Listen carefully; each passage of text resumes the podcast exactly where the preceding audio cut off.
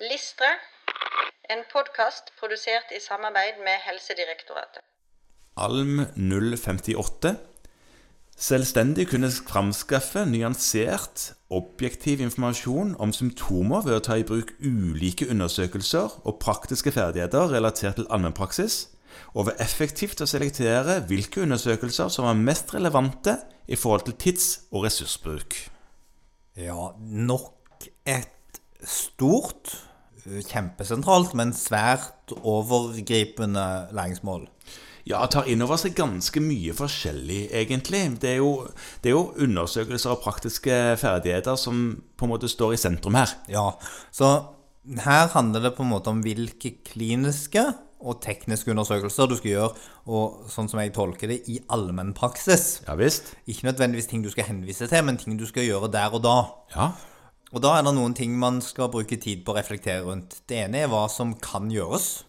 Ja, altså Ja. Ja. ja. Og det andre som jeg tror er kjempeviktig at man her utvikler kompetanse på for å kunne drive effektiv allmennpraksis, det er hva som ikke er nødvendig å gjøre. ja, du husker jo hva man lærte på studiet da vi to gikk sammen der, det, om kirurgi.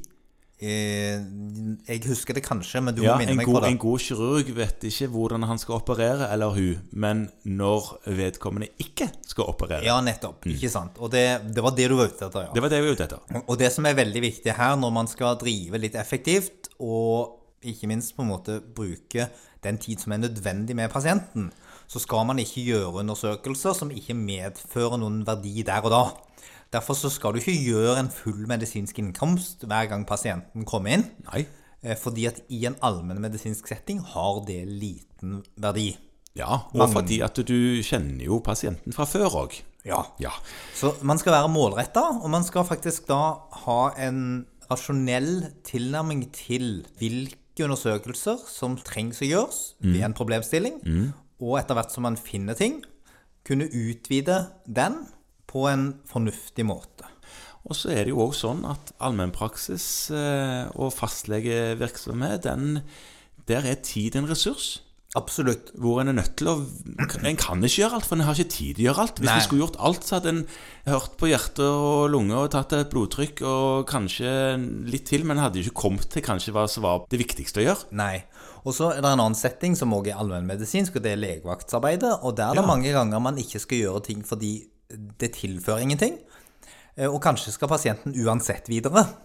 Og da er det også undersøkelser som kan være helt unødvendige, fordi de egentlig ikke gjør noen ting, verken med utfallet eller med prioriteringen din. Nei. Og dette må man skaffe seg erfaring på. Og da er det litt sånn at på læringsaktivitetene her så tenker man at legevakt er en viktig arena for å øve seg i å gjøre rasjonelle valg på dette, og så ellers er det jo den åpne praksisen. Eh, Gjerne bruke praksisbesøkende til å høste erfaringer på dette. Og så er det som alltid et tema for veiledning. Ja.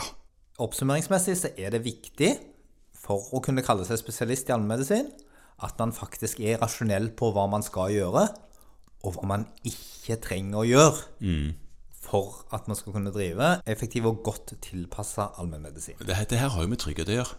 Ja, absolutt. Sant? Ja. Det er jo veldig mye lettere når en er erfaren å si at eh, vet du hva, der, der er det ikke farlig å vente med. Som en eh, yngre, litt mer uerfaren og kanskje engstelig kollega, så er det lettere å hoppe på og gjøre altfor mye bare for å dekke sin egen rygg.